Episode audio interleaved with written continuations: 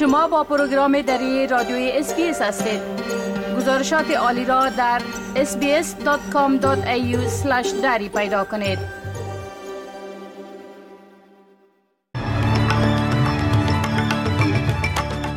با عرض سلام ما صاحب شکیب شما را به شنیدن مهمترین اخبار امروز 16 ماه سپتامبر سال 2023 دعوت می کنم.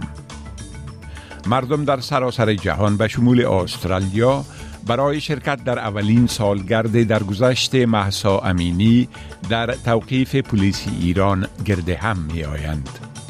یک مؤسسه امدادی خارجی در ولایت غور افغانستان از دستگیری 18 کارمند افغان و خارجیش و انتقالشان به کابل سخن گفته است.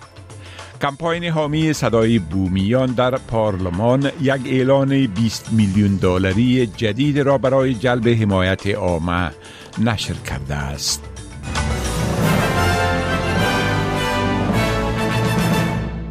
تفصیل اخبار مردم در سراسر جهان به شمول استرالیا برای شرکت در اولین سالگرد در گذشت محسا امینی گرده هم می آیند. این جوان 22 ساله پس از دستگیریش به دلیل پوشیدن نادرست هجاب در توقیف پلیس در ایران جان خود را از دست داد. این حادثه باعث تظاهرات گسترده شد که پس از چند ماه به تعقیب اعمال سرکوب مرگبار مقامات فروکش کرد.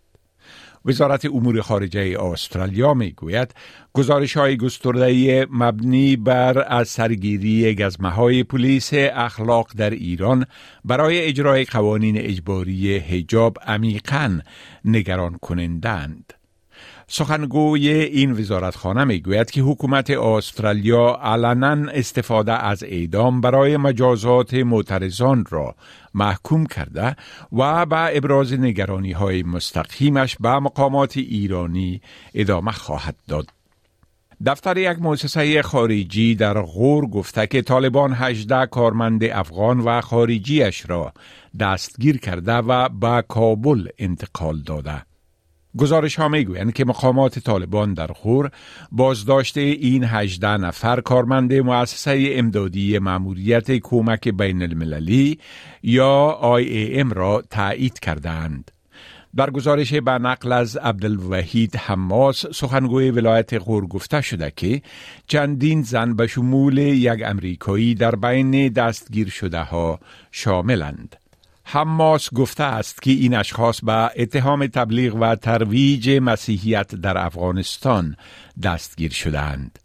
سازمان ام که مقر آن در سوئیس است در بیانیه از چگونگی وضعیتی که به این دستگیری ها منجر شده اظهار به اطلاعی ولی تعهد کرده که برای تأمین سلامتی و آزادی سری کارمندانش سعی و تلاش خواهد کرد. کمپاین بله یا حمایت از صدای بومیان در پارلمان یک اعلان 20 میلیون دلاری جدید را نشر کرده که یک بچه جوان بومی را نشان می دهد که آرزوی یک کشور را دارد که صدایش را بشنود.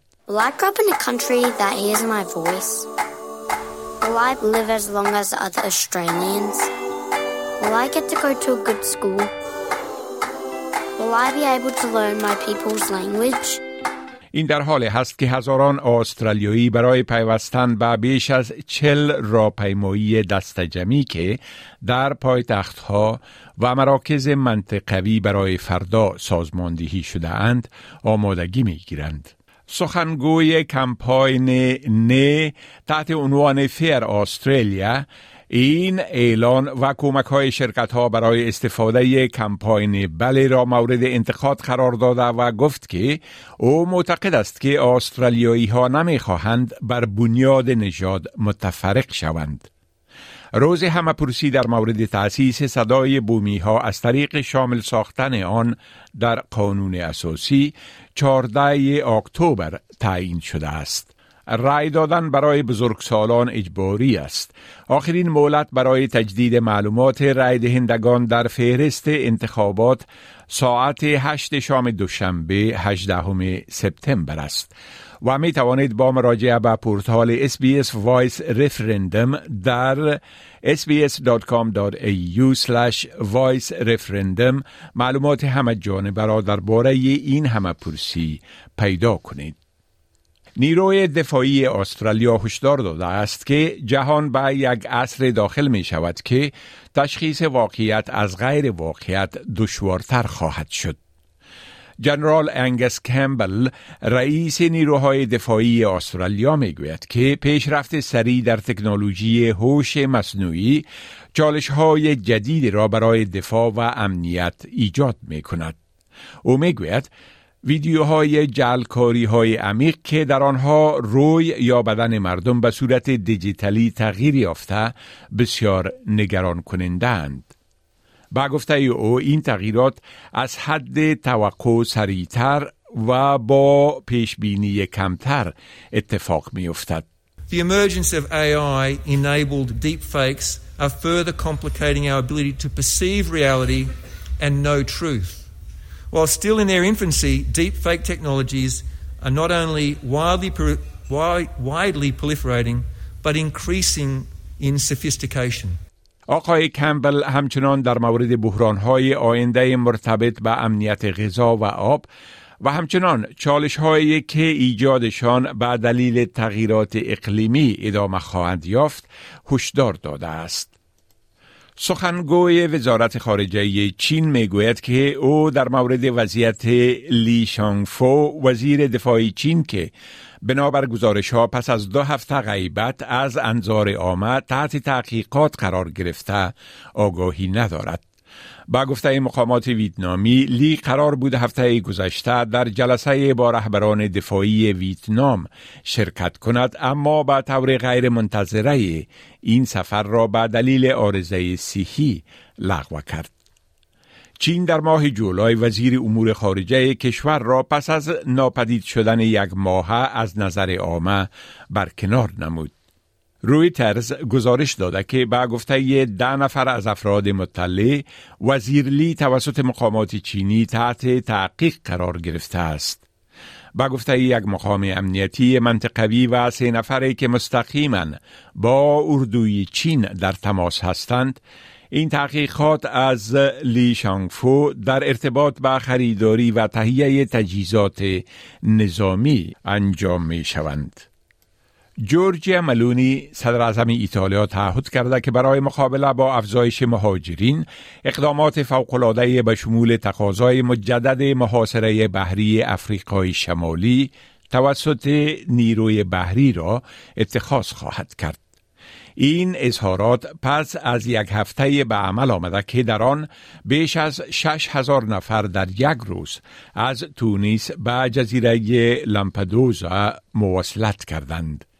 در سال جالی میلادی تا کنون تقریبا 126 هزار نفر به آن کشور مواصلت کرده که این تقریبا دو برابر شمار مواصلت کننده ها در این مرحله در سال 2022 است. خانم ملونی روی کار آمدن یک توافق جدید اتحادیه اروپا در مورد مهاجرت با تونس را تقاضا کرده. آمادو تیجان جالو متولد گمبیا و یکی از هفت هزار مهاجر در مرکز پذیرش لامبدوزا شکرگزار است که از شرایط جوی نامساعد جان به سلامت برده است. The boat was, we were uh, uh, 48 people in number. Yeah, our motor was 30 Yamaha. Yeah, the boats were not that big. 8 meters. Okay. 8 meters. We were in the sea for almost 30 hours.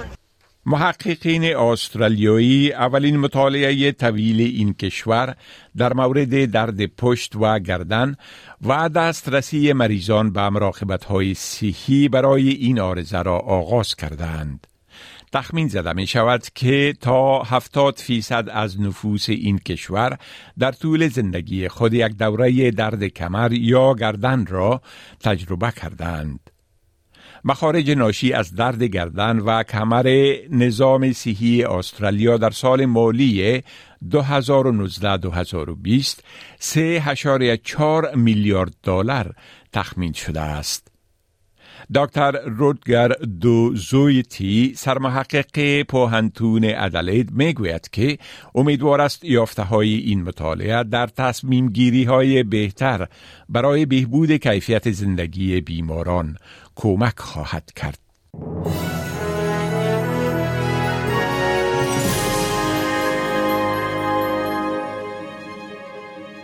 و حال اخبار ورزش ارزش دلار استرالیایی در برابر اسعار جهان و وضع هوا برای فردا.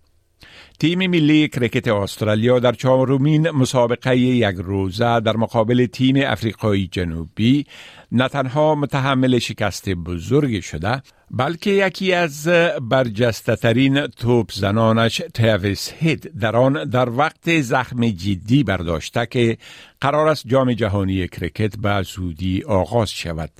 تیم افریقای جنوبی اول توپزنی یا بیتین کرد و با از دست دادن پنج بازیکن 416 دوش انجام داد. اما همه بازیکنان تیم استرالیا با تکمیل کردن صرف 252 دوش خارج شدند. دست ترویس هید با ضربه یک توپ سری زخمی شد که این وضعیت نگرانی فراوان را برای تیم استرالیا از ناحیه احتمال عدم توانمندی او در شرکت در مسابقات جام جهانی که بر روز پنجم اکتبر در هند آغاز می شود به بار آورده است. ارزش یک دلار استرالیایی در بازارهای تبادله اسعار معادل تقریبا 51 افغانی 64 سنت امریکایی 60 سنت یورو و 50 پنس بریتانوی می باشد. و حال پیشگویی هوا در شهرهای عمده استرالیا برای فردا.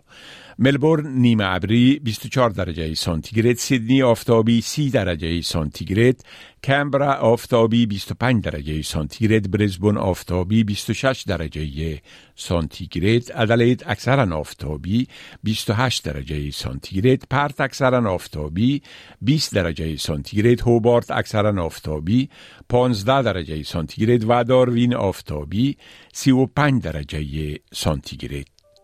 این بود تازه ترین اخبار از پروگرام دری رادیوی اس